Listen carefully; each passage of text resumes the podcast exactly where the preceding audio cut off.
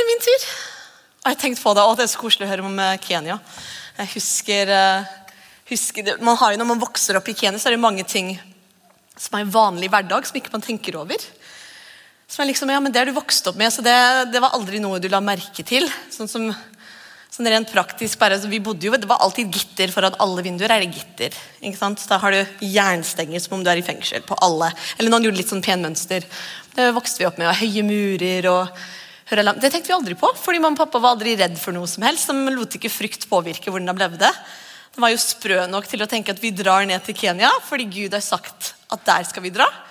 Og hvis det er Guds vilje, så er det det tryggeste, beste stedet både for oss og for barna å være.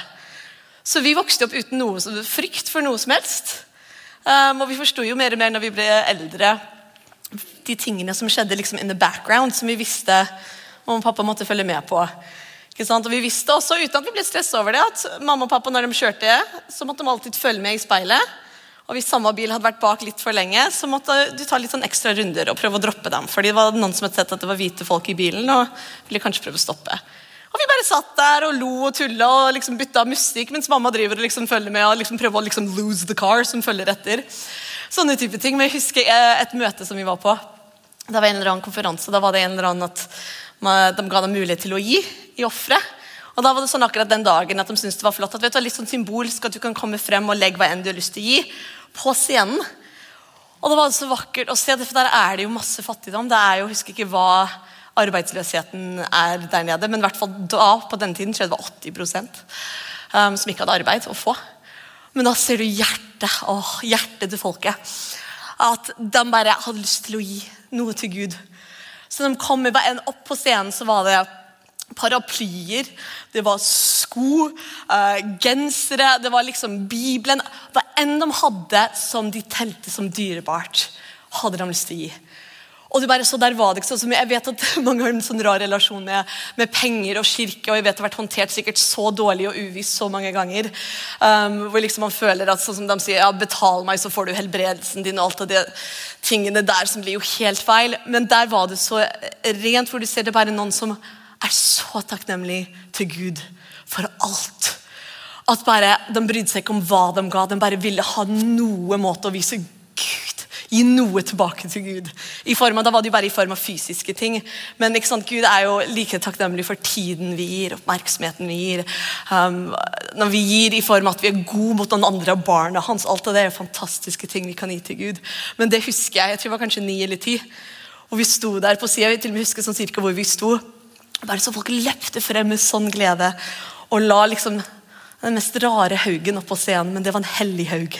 Og Den var så vakkert. jeg bare husker man, husker Noen tok av seg ringene sine. Hva enn de hadde, ville de gi. Og det var ikke noen taler som hadde stått der og prøvd å selge, komme og gi ting. Det var virkelig bare Hvordan kan vi tilby Gud? Vi kan tilby Gud også med hva vi gir. Og det var så vakkert. Sånne, sånne ting man husker. Jeg husker også, jeg brukte alltid å prøve å finne man har vokst opp, Vi var jo ofte på besøk i um, noen menigheter hvor du forsto ingenting av lovsangen. Var det mest på engelsk Stian, når du var der, eller var det litt blanding? Det var på eget språk, ja. Så det var jo ofte vi var i lovsangen. Og Det er en annen opplevelse man får, hvor du står i, i lovsang. Vi er jo vant til å synge ord som vi forstår, og synge lovsang til Gud. Men der var det mange ganger hvor vi sto der med superhøy lyd og dansende folk rundt oss. Vi forsto jo ingenting. Men der var det igjen hvor du bare kunne tilby Gud bare, Da var det bare en hjertekontakt. Det var ikke at ordene måtte fanges opp. i det hele tatt, det var det bare tilba Gud. Så jeg husker Som lite barn så ville jeg alltid prøve å finne han det, for ofte var det store kor oppe på scenen. Så jeg alltid prøve å finne en eller annen person som jeg ville følge med på. Og analysere og se på hvordan de lovsang Gud. Og det var alltid noen jeg så på og tenkte sånn Wow! Og Det var ikke de som sto og dansa eller gjorde de mest crazy ting, selv om det var jo morsomt å se også. Men jeg alltid prøvde å finne noen hvor jeg bare følte at de, de kjenner Gud. De kjenner Gud. Jeg husker fortsatt det siste, det var de i en etiopisk menighet. Og jeg så på Hver gang prøvde alltid å plassere meg. Det var jo ung barn. ikke sant? Du driver og ser på ting og tar alt innover deg. Og så var det en jeg bare husker, Hun var helt fascinert, veldig sånn stille. Gjorde ingenting ut av seg. Jeg, jeg tror jeg aldri snakka med henne. Men opp på scenen hvordan hun tilba Gud. hvordan jeg bare så, det bare så Med en gang lovsangen starta, alt annet forsvant. Jeg bare så at det var hun og Gud Prøvde ikke å løfte en hånd. ikke sant? Vi som, jeg som er kirkebarn, jeg vet jo akkurat hvordan man skal stå, prise Gud, kanskje svaie litt. ikke sant? vet akkurat hva man skal gjøre når man er vokst opp i kirken. Og det kan bety absolutt ikke en fis hvis ikke hjertet ditt er i det. Jeg kan stå og se kjempehellig ut og bare å wow, hun virkelig tilbyr Gud. Så driver vi og tenker på hva jeg skal lage til middag. Det betyr veldig lite. Men det er alltid vil jeg fange opp der du bare merka de kjenner Gud. Her er det relasjon og ikke religion. Og jeg vil stå og bare se på. Og så ville jeg tilby også, klart, men jeg ville liksom se opp, og det bare, gikk, det er sånne ting man husker fra når man vokser opp. Så jeg tenker også når vi, vi som lever livet sammen, vi som kommer og møtes på søndag og skal bli bedre og bedre til å leve livet sammen og møtes i løpet av uka. Men, men det at man Du kanskje tenker jeg står ikke på en scene eller jeg er ikke, ikke tar ikke opp masse plass. Men man, man, folk ser. Vi ser på hverandre, vi inspirerer hverandre, vi legger merke til hverandre. Og de som er yngre, ikke sant? Når du har gærne barna som løper inn etterpå, ungdommene som kommer og er litt sånn awkward, de ser, de legger merke til ting. Og hva de merker mest, er når noe er genuint. Når det er liksom Jeg vet at du er ikke perfekt, men det er noe med deg som føles ekte. Det er noe med deg, og Når du snakker med meg, så føler jeg meg sett. Det er noe med deg, Når du snakker til meg, så gir det verdi. Det var jo, jeg tror jeg nevnte det før eh, når vi hadde lest, jeg tror det var Kenneth som leste den boka til um, Will Smith, som nå er litt sånn controversial. Gud velsigne Will Smith. Folk er, er, Alle kan eh, lose their temper av og til, men noen bare gjør det på TV, som er litt uheldig. Men, men han sa jo at han vokste opp med en bestemor som elsket Jesus av hele sitt hjerte.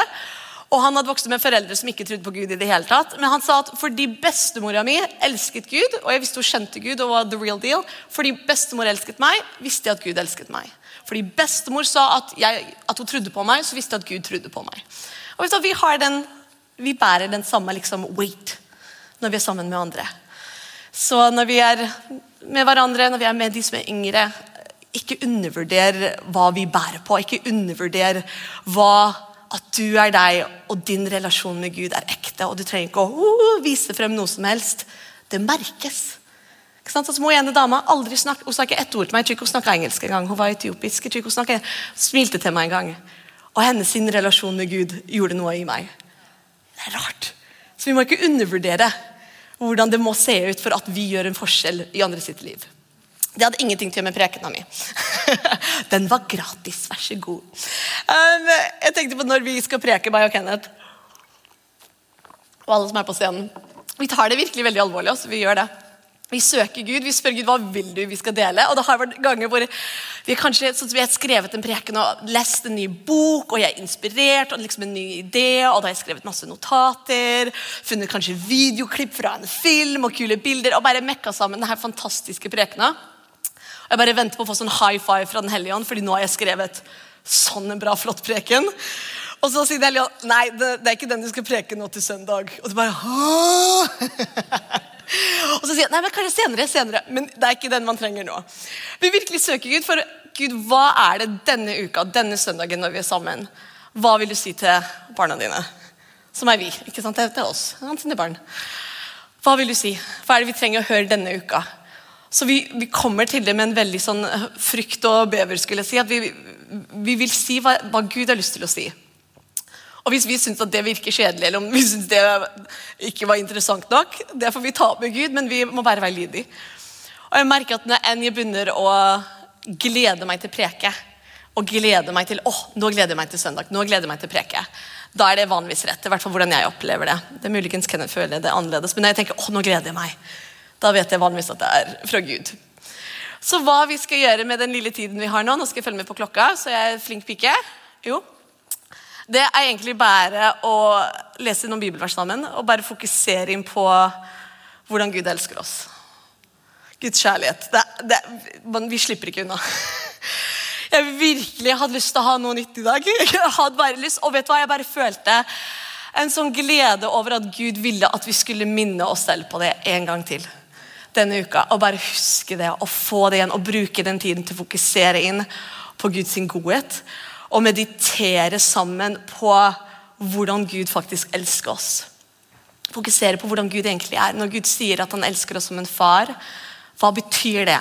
Når Gud sier at han elsker oss som um, en brudgom elsker en brud, hva betyr det? Og Jeg følte virkelig sånn Guds behag og Guds glede over å bruke tid sammen på det. At det var liksom bare, Jeg tenker, jeg blir jo kjempeglad hvis Kenneth sitter og bruker en 20 minutter på å fortelle meg og fokusere på alle mine styrker, og hvor, mye, hvor flott jeg er, og hvor mye liksom kjærlighet er blant Jeg bare synes det er fantastisk. Sånn som de som har kanskje vært i konfirmasjon nå i helga, og de som får litt sånn taler og sånt. Det er jo fantastisk å sitte og høre hvor, hvor herlig man er. Jeg, jeg, gikk glipp av konfirmasjon, vet dere det? Hm? Kanskje jeg skal ta igjen? Vi var jo i Kenya, så vi ble aldri konfirmert. Så når jeg hører hvor mange tusenvis av kroner de Nei, det er ikke det det handler om. Det er det det handler om for veldig mange, da. Men eh, nei, vi ble ikke konfirmert. Det gikk vi glipp av. Men det går bra. Jeg er ikke bitter. Jeg har latt det gå. Men det er jo da, da får du jo masse sånn taler. Jeg husker jeg gledet meg, liksom, Det jeg gledet meg mest til når jeg gifta meg, var liksom Kenneth sin tale til meg. Så jeg tror ikke jeg la noe press på ham, men jeg sa du, det må, ord betyr mye. Jeg har et ord veldig høyt. De som ikke har ord høyt opp på kjærlighetsspråket, de kan, de kanskje bry seg ikke, men jeg har ord. Så jeg bare Say nice things to me. Say, say all the good things. Jeg var så klar til å bare ta imot fantastiske ord. Men det å fokusere på Guds godhet og fokusere på hvor fantastisk han er, er bra brukt tid. Så det gjør jeg med god samvittighet. Men først skal jeg drikke vann. Alright. Skal vi starte med et bibelvers?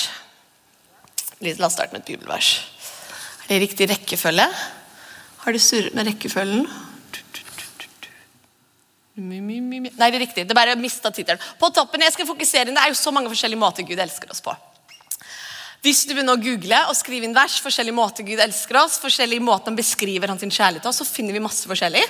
Bare hvordan Den hellige ånd er beskrevet, som er vår counselor, vår beste venn, vår hjelper. Um, han er beskrevet, Jesus er beskrevet som vår bror. Um, det er så mange forskjellige aspekter man kan se på. Så hvis du har lyst til å finne vers på alt av det, så kommer du til å få en vakker og lang, variert liste. Så jeg valgte bare å fokusere på hvordan Gud elsker oss som far, og hvordan Gud elsker oss som brudgommen, som høres litt sånn fancy og rart ut. Det er egentlig et litt sånn rar konsept at uh, når vi blir beskrevet som Kristi brud det kan høres litt sånn hvis man sett litt sånn kaltfilmer, så høres det alltid litt sånn rart ut. Men det er en veldig sånn rent og vakkert bilde på hans kjærlighet for oss. så det skal vi gå inn på etterpå. Men da leser vi først. Dette er Matteus 7, 7-12. Og det er på norsk! Er dere sjokkert? I know! Jeg vet, jeg er blitt litt bedre. Be, og dere skal få. Let, og dere skal finne. Bank på, og det skal bli åpnet for dere. For hver den som ber, han skal få. Og den som leter, han skal finne.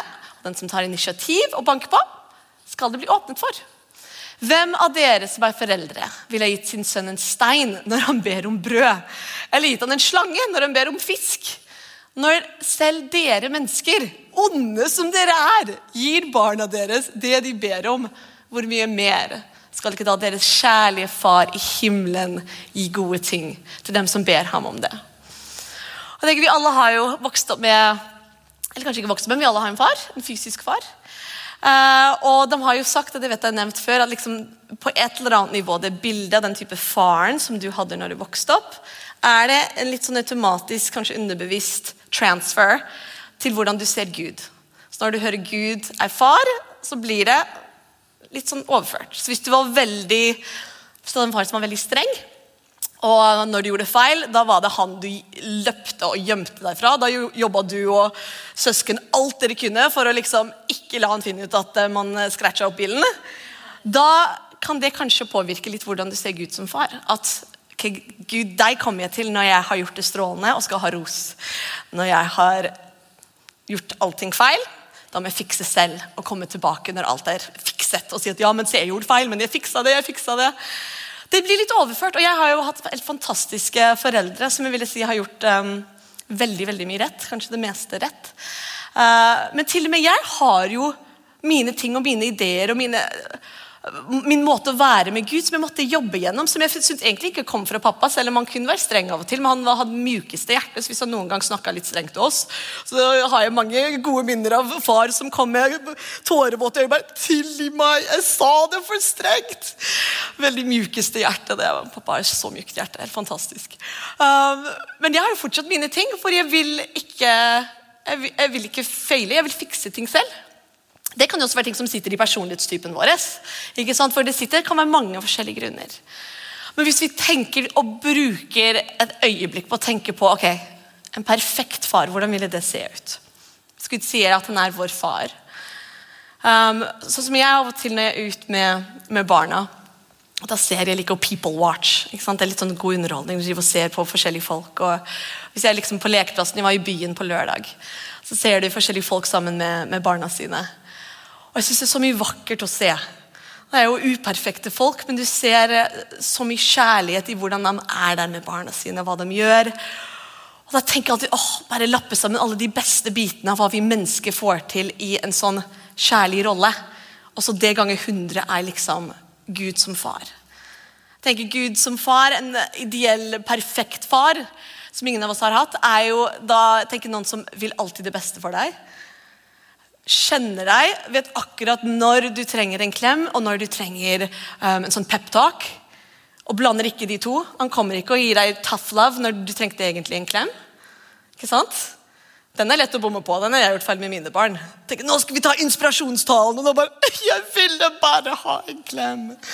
Takk og lov de klarer å si det til meg. Så bare, ok, ok, ok. Men en god far da vet forskjellen og kjenner deg så godt og vet at nå trenger du ikke å bli pusha. Nå trenger vi å sitte med det her litt grann nå. Og så vet han at det her du prøver på nå, det her klarer du. Det her klarer du. Er det noen som har sett på Kompani Lauritzen? Ja, vi synes Kompani Lauritzen er litt morsomt. Det er jo en haug med kjendiser eller folk i Norge som da er med og tar en sånn en sånn mild versjon av helvetesuke i uh, militæret. Og er sagt med på å være med i litt sånn trening. Og der ser du de sersjantene som står der, um, som skal liksom pushe de litt. Grann. Det er masse, god, masse flott der. De er jo strenge. Men da kommer de liksom, de har lyst til å trekke seg. Det var en som var veldig redd for høyder, en som var veldig redd for vann. Og da kommer de og sier, liksom, den, da tar de den puptalken at det her, det her klarer du det klarer du. Og Gud vet når han skal ta det. En god far vet når du skal ta det. En god far er også den som Eller en ideell far, siden ingen har hatt den perfekte igjen. er tenker, Når du feiler, når du har gjort alt feil, tatt alle dårlige valgene, og du vet at nå sitter jeg i en knipe, og jeg har bare meg selv å takke. Hvis det er noen som har vært uskikkelige tenåringer, og du kjenner på den, da er far den første du ringer. For du vet at pappa fikser alt. Og han kom ikke til å være sint, han kom til å hjelpe meg å fikse det her. Og jeg tenker Mange av oss ikke har det bildet på Gud. Så det å sitte i at Hvis Gud sier jeg er en god far, hvis dere som er onde, til og med vil bære i gode ting til barna deres Sitt og tenk litt på hva er hva vil, hva ville være drømmepappaen, drømmefaren? Hvordan ville det se ut? Ok, nå har jeg gjort noe feil. Istedenfor å løpe bort, løper man til. Jeg husker da jeg hadde krasja bilen. Jeg hadde ikke hatt lappen så veldig lang tid. Jeg har kanskje nevnt det før. Man skal ikke kjøre og spise samtidig. I hvert fall ikke sånn klissete pålegg som da detter ned på ditt fang. Og så ser du ned, fordi du har også lånt uten å spørre mamma sine Armani-bukser. Og tenker at nei, det her må vi få opp før det blir flekk. Ikke gjør det. Så var jeg litt trøtt den dagen, så reaksjons... Eh, jeg trodde at jeg så ned sånn et halvt sekund. Det var nok sånn fem sekunder. hvor jeg bare, å nei, Og så fortsatte jeg å kjøre, og kjørte da på feil side av veien. Jeg kjørte ikke veldig fort. Det var en landvei. Ok, Jeg lever. Det går bra. Mamma syns ikke det er kult at jeg tuller med det her. Hun fortsatt er litt sånn Men da jeg krasja bilen, ikke sant? Jeg krasja i en buss. Så bussjåføren, hver gang han ser meg, han husker meg fortsatt, fordi jeg er den eneste ulykka han har hatt. Så hver gang han ser meg, hyggeligste bussjåføren i hele verden, fra Albania, vakker mann. Og han bare Går det bra? Jeg like, ja, det går bra. Har du krasjet? Nei, du var den eneste. Kjempekoselig. Hei, hvis du ser på. Ja, nei, Han er kjempehyggelig. Så vi fortsatt hver gang ser meg, så liksom nikker han bare sånn. Ja, Så vi krasja. Og da vet jeg, du, sett for mange actionfilmer. For første tingen jeg tenkte når jeg krasja, var jeg må løpe ut! Bilen kom til å eksplodere! Så jeg løpte ut full fart. Ja, Men alt gikk bra. Men da husker jeg jeg analyserte det etterpå, at når jeg skulle ringe pappa og fortelle han at du, jeg har det bra, men jeg har vraka bilen. Så husker jeg var ikke noe nervøs for å si det. Det er jo så klart kjempekjipt. Jeg vet hvor mye bilen kostet, jeg vet hvor dumt det her var. Det her var jo så lett å unngå. Helt sånn, helt på trynet. Men jeg var trygg på å ringe pappa og si du, jeg krasja bilen. Kan du komme? Og så vet jeg at her kommer noen som fikser, vet forsikringen, kommer for å trøste meg, kommer for å ta hånd om det. Og i helt riktig tid forteller meg kanskje hvordan det er smart å ikke la dette skje igjen fordi han er glad i meg. Og tenk å ha det kobla til Gud. Gud, nå har jeg rota det til. Gud, nå har jeg gjort samme feil igjen. Hjelp. Kom og fiks igjen. Kom og fiks igjen.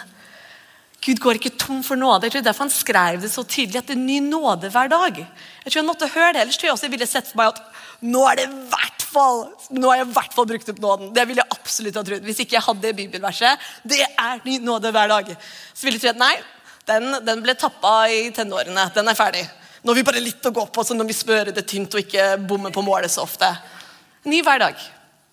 Så man klarer ikke å ringe pappa Gud for mange ganger at han sier at 'nå får du fikse det sjæl'. Men jeg tror vi har det litt i bakhodet. Eh, og når vi blir frustrert på oss selv, når det er liksom samme feilen om igjen og om igjen, så, så er han den mest tålmodige faren. Og han kjenner, oss, han kjenner oss så godt. Tenker jeg av og til liksom kjemper imot komplimenter, som er en veldig irriterende ting, har min mann fortalt meg. fordi jeg har jo ord som kjærlighetsspråk, men jeg kjemper litt sånn imot.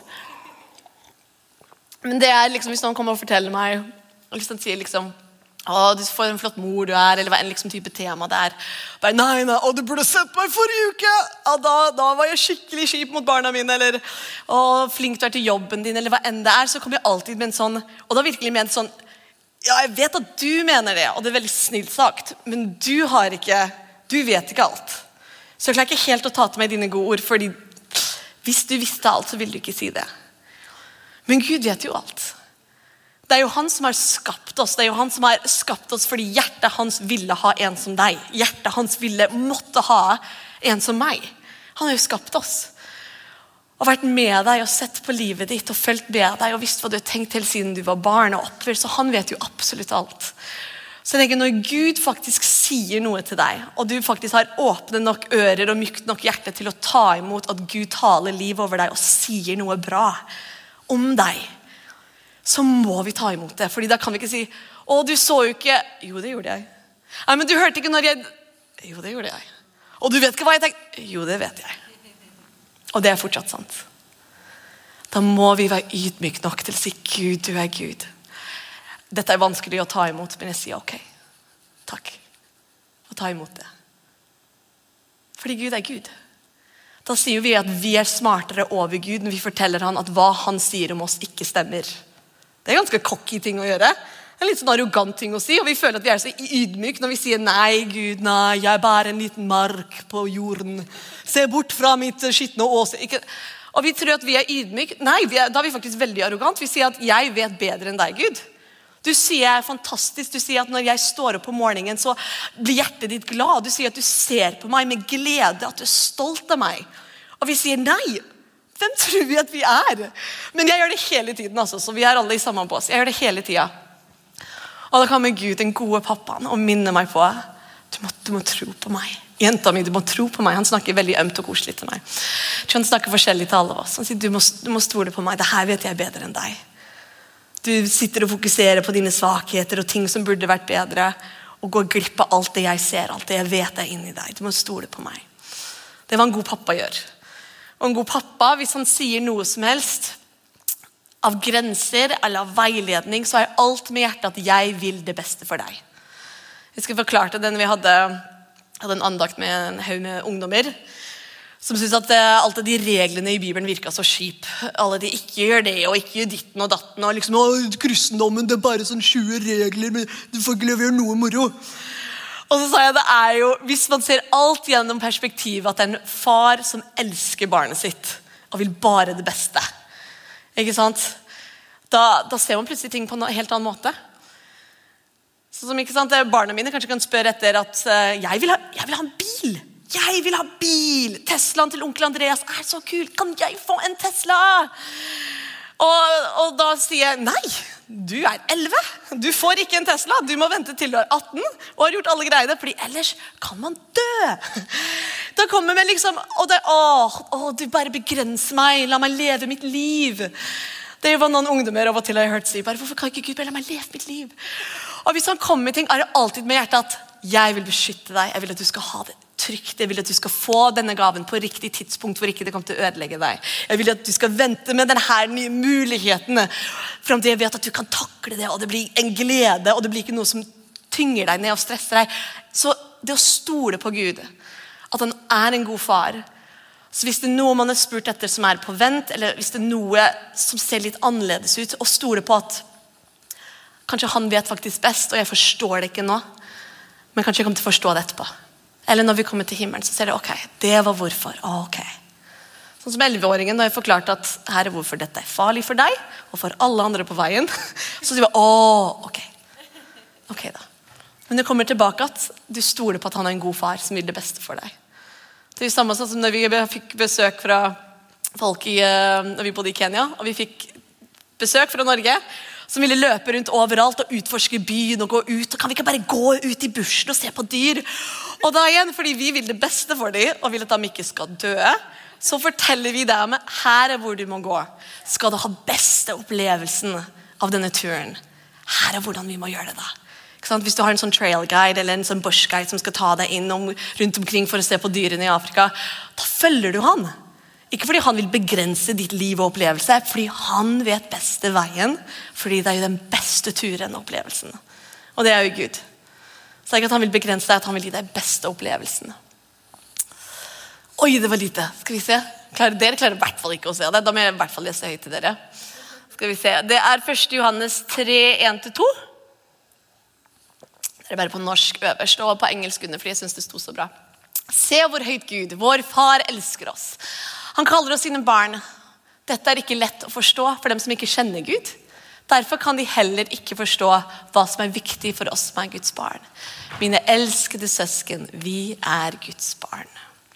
Så På engelsk er det da The Passion Translation står det Look with wonder at the depth of the Father's marvelous love that He has lavished on us. He has called us and made us His very own beloved children. The reason the world doesn't recognize who we are is that they didn't recognize him.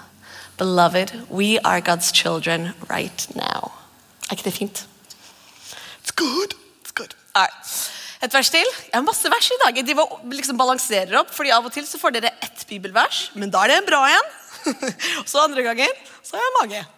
Dette er Salvenes bok 139, og den bruker jeg ofte, fordi den er jo bare nydelig. Herre, du kjenner meg. Du kjenner meg ut og inn. For enn jeg sitter eller står, så vet du det. Du vet hva jeg tenker på lang avstand. Mitt skjelett var ikke skjult for deg da jeg tok form i det skjulte, og kunstferdig ble dannet i min mors mage. Allerede som et foster så dine øyne meg, og de dagene som du hadde planlagt for meg, var alle skrevet ned i din bok. Slik var det før en eneste av dem var kommet. Hvor grenseløst dine tanker er for meg. Å Gud, dine samlede tanker for meg er enorme. Skulle jeg telle dem, er det flere av dem enn havets sand. Blir jeg ferdig, så er jeg fortsatt hos deg. Er ikke det fint? Da begynner jeg å tenke en far hvor mye man tenker på barnet sitt. Men det er også begynner å bekke over til brud om brudgom. Den litt sånn ville forelskelsen. At bare leve på luft og kjærlighet. Det uttrykket hvor eneste du går rundt og tenker på din nye kjæreste. Jeg tenker, sånn er liksom Gud med oss. At bare tenker på oss hele tiden. Og ikke oss som en gruppe. Det For oss som en gruppe betyr veldig lite. Meg som en del av en gruppe føler jeg litt verdi, men når noen kommer og ser meg sånn som Jeg er jo lærer, og i liksom utdanningen så har de liksom snakket masse om det at hver enkelt føler seg sett. Så det er derfor Hvis noen har sett på Instagram eller sånn TikTok-videoer at når en lærer står der og har liksom sånn en hilsen med liksom hvert barn, eller liksom en eller annen måte å si hei før de går inn i klasserommet Det er for å si at du er ikke en del av en gruppe. Jeg ser deg. Hvorfor tror vi at Gud er noe mindre? Ja, jeg elsker dere. Ja, hva heter du igjen? Ikke sant? Jeg husker Det var En av mine favorittbibelvers da jeg var liten, var I have called you by name. Jeg vet ikke hvorfor jeg likte det. Det var en bibel, en søndagsskolelærer som husker ga meg det verset. Til jeg kalt deg, liksom, I know you by name, I've called you by name. Liksom, det var Gud ser hver enkelt. Ellers ville han ikke skapt deg. Hvis du skulle være en gruppe, gruppe liksom være en del av en gruppe, kunne vi alle se prikk like ut. Men han har jo skreddersydd hver enkel av oss. Jeg vet jo, um, jeg gikk ut av kunst og håndverk som en av fagene mine i lærerutdanninga. Jeg er egentlig ikke veldig flink. altså. Jeg er ikke det. Kreativ, men sånn, ja, det er masse, masse forbedringspotensial. Men når en, vi lagde noe som vi var fornøyd med ikke sant? Når det skapte, jeg Vi gjorde leire en gang, og det var kjempeinteressant. Vi hadde snåleste, fantastiske læreren. Hun var kjempemorsom. Uh, men uh, jeg husker når jeg lagde noe, og det ble bra. Og Jeg gikk og så på det hele tiden, for da måtte den leiregreia stå til tørk. Det var noe nytt jeg hadde ikke gjort før. Og jeg husker jeg prøvde alltid å snike meg for å gå og liksom se på det. Det høres veldig sånn selvdiggende ut, men jeg gjorde det bare Se så bra det ble! Jeg var så fornøyd med meg selv. Gikk og så på det og snudde litt på bare Jeg lagde det! Og jeg så gira til å ta det med hjem til Kenneth og bare late som jeg ikke brydde meg, men også bare vente på å få liksom sånn beundring. at mine hender lagde det. Jeg er litt talentfull. Men tenk Gud som har skapt oss. Hvorfor tror vi at uh, jo, han, han, ser jo på oss og bare er så fornøyd. Og bare, åh, ja, men jeg skapte dere. Så han sier at han synger over oss på morgenen. at han synger over oss, at sin hjerte, liksom, His face is turned towards you, his countenance smiles over you. At, han, at sitt ansikt skinner mot deg. Han har skapt deg, han er så fornøyd med seg selv at du ble så bra. Og han er ikke overrasket over våre svakheter. Han er ikke det i det hele tatt. Det er sånne bra vers. Det er når vi går videre. Tiden flyr når man har det gøy. Det Kenneth sier det hele tiden. Det sier han når han har hatt lengste arbeidsdagen ever. Da sier han ja, tiden flyr når man har det gøy. vet du. Da bruker han det på feil tidspunkt. Neste del skal vi bare se på noen bibelvers. At han elsker oss som en brudgom. Um, husker det her var en av de Hele den bilden på den delen av Guds kjærlighet, at han elsker oss som en brudgom elsker en brud, det husker jeg var veldig fascinert over um, når jeg var yngre. Um, husker jeg leste boken av Hosea, som er jo en kjempespesiell bok egentlig å lese som barn. Men, men jeg bare var fascinert over at den måten Jesus elsket oss på, var også med en sånn lidenskapelig Bare jeg må ha deg-type liksom, Du er bare min. At det sto at liksom, Gud var sjalu. At det sto at Gud elsket oss så mye. Ikke sant? For en far føler jeg liksom sånn, far elsker deg og tenker på deg og beskytter deg. Men når det er også den delen å bare Men du er min. Du er min. Og jeg skal slåss for deg. Jeg skal kjempe for deg. Den type lidenskapelige kjærligheten den var jeg så fascinert over. Og jeg tror, det var litt fordi, jeg tror hjertet mitt virkelig følte at å ja, den delen må vi ha òg. Ellers kommer vi til å lete etter den et annet sted. fordi jeg føler at det er jo noe vi, vi, trenger. Å føle at man er kjempet for, at man er elsket med en lidenskap. At det er noen som beundrer deg. At det er noen som bare ser på deg, tenker på deg dag og natt. Jeg føler at Den type, den type kjærligheten trenger vi òg. Vi er skapt med den type kjærligheten. Og det er jo fordi Gud vil ha det samme for oss. Det står jo det at han er en Gud som blir sjalu. Når andre ting kommer over, i vår beundring, i vår oppmerksomhet og bruk av tid, så står det at han bare Ja, men elsk meg. Jeg elsker meg sånn. Jeg vil være på toppen. Jeg vil være elsket av det. Og jeg synes Det er vakkert at han, at han har den kjærligheten for oss òg. Det er jo som jeg har sagt før, at Hvis eh, Kenneth ikke liksom syntes det var helt greit at jeg var gift med fem andre menn, er, ja, da, og han syntes det var greit, da ville jeg tvile på Kenneth sin kjærlighet til meg. Liksom, nei, du dust. Du burde absolutt ha lyst til å bære at det bare er du som har meg. Sånn burde det være. At du elsker meg så mye at jeg, du syns jeg er så flott at ingen andre skal få lov å være gift med meg og ha den nærheten med meg. Og det tenker han jo, så det er bra. Men Gud er jo samme. Og jeg bare, jeg husker, jeg tenkte liksom, og jeg liker det. Og jeg har den faderlige kjærligheten, den beskyttende, den støttende, den varme. Å sitte på fanget fordi han bare elsker deg og passer på deg og gir deg styrke og vet hva du kan. Men også den Jeg elsker deg, og du er min. Jeg liker det bildet òg. Jeg tror hjertene våre trenger den delen òg. Og jeg liker Det er jo noen lovsanger som beskriver det så mye. Den sånn som um, den um, Er det 'Relentless Love'? Eller den um, 'No mountain you won't climb up'? Da, da, da, ja. No, ja, den elsker jeg. Hva heter den igjen? Re det er 'Reckless Love'. takk. Reckless Love. Som beskriver det at han liksom sparkende vegger, klatrer opp fjell. Uansett hvor mørkt det er, så skal han finne deg og få deg tilbake fordi du er hans.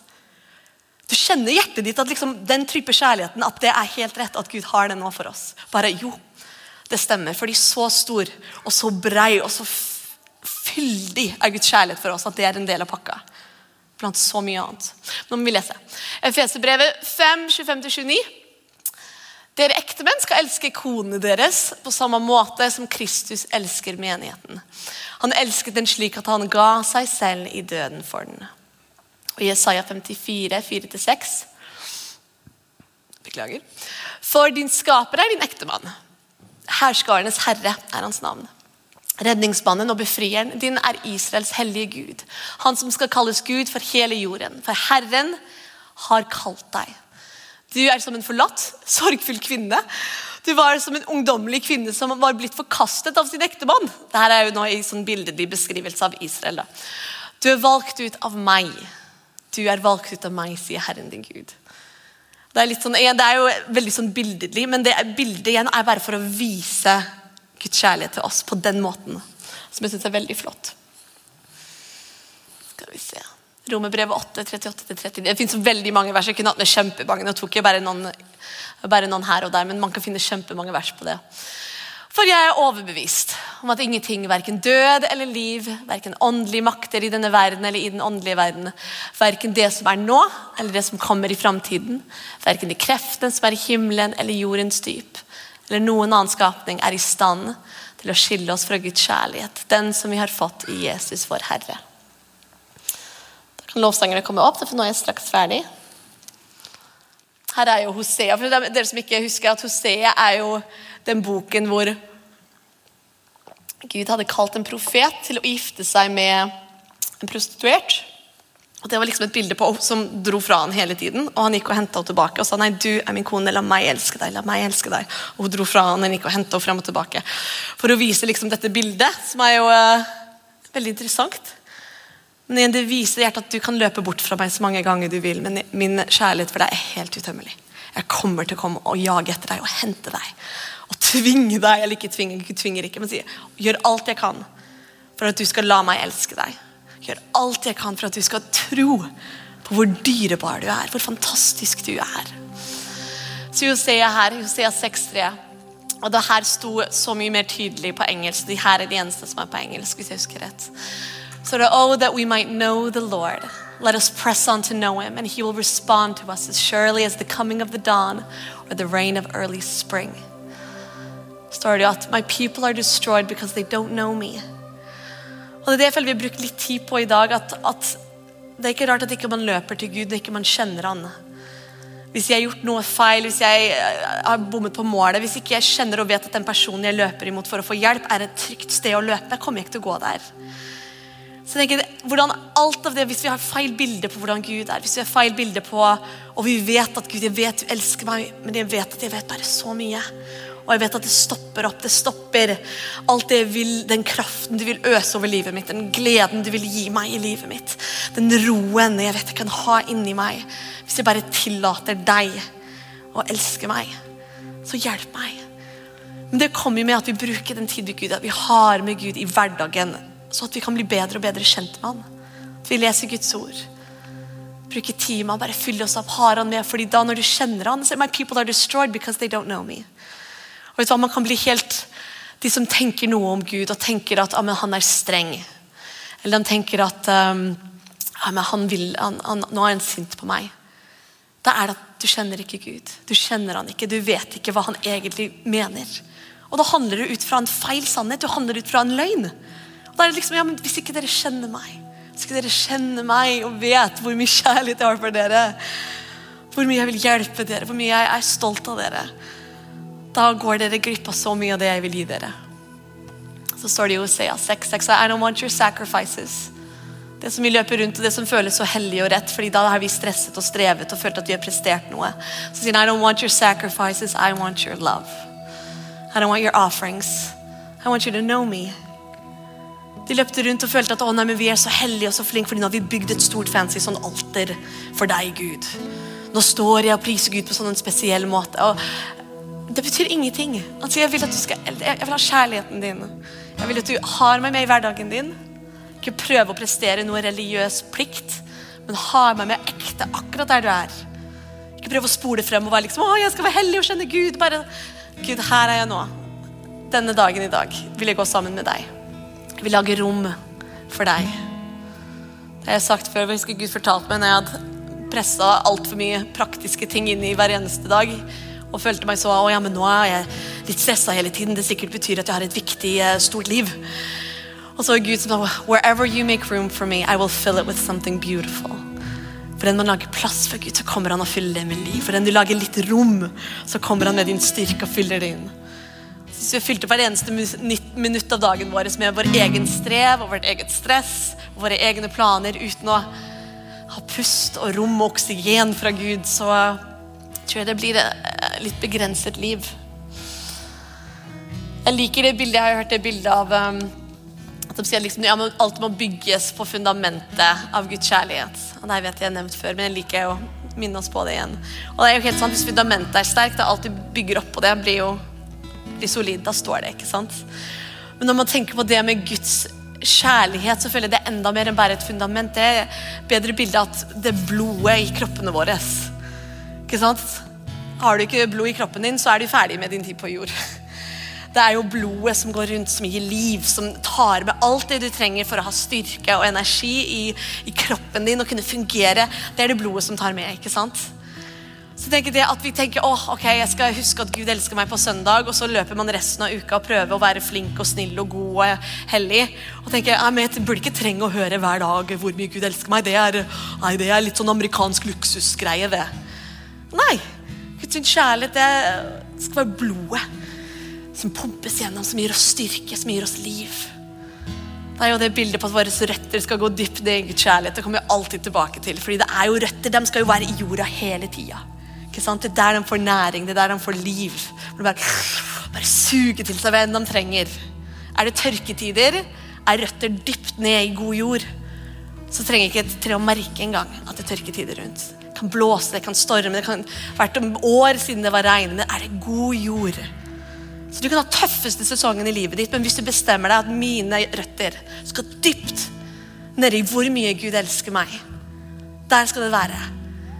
Og der skal jeg få min styrke. Ikke gjennom mine egne agenda, ikke gjennom mine egne ting jeg skal prøve å stresse og streve med, men der får jeg min styrke. Hvis jeg gjør ingenting annet på starten av dagen, i løpet av dagen, skal jeg tenke Gud elsker meg. Gud liker meg. Gud er for meg. Gud er med meg. Gud elsker meg. Gud kjenner meg. Gud elsker meg. Gud er med meg. Gud har gode planer for meg. Begynn å tenke på det, tro på det, tygge på det. Og så plutselig merker du at når du bruker tid med Gud, så er det lett. Plutselig merker du at du hører Guds stemme på en annen måte. Plutselig merker du at du bare ser Gud i alt. God is in everything. Han er der, han er overalt. Og det er lettere å ta imot når du vet Gud elsker meg så mye. Og etter det er på plass, et sterkt tre som har fått næring fra rett sted, vokser stort. Plutselig er det en ly for dyr.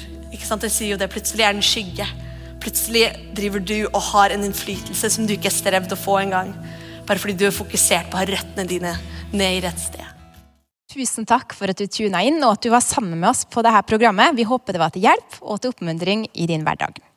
Dersom du å ta kontakt med oss, kan du gjøre det via nettsida vår, østfoldkirken.no. Og vi setter veldig pris på å få tilbakemeldinger dersom det programmet her har vært oppmuntring for det eller til hjelp for det. Så setter vi stor pris på å høre det. Ha en velsigna uke.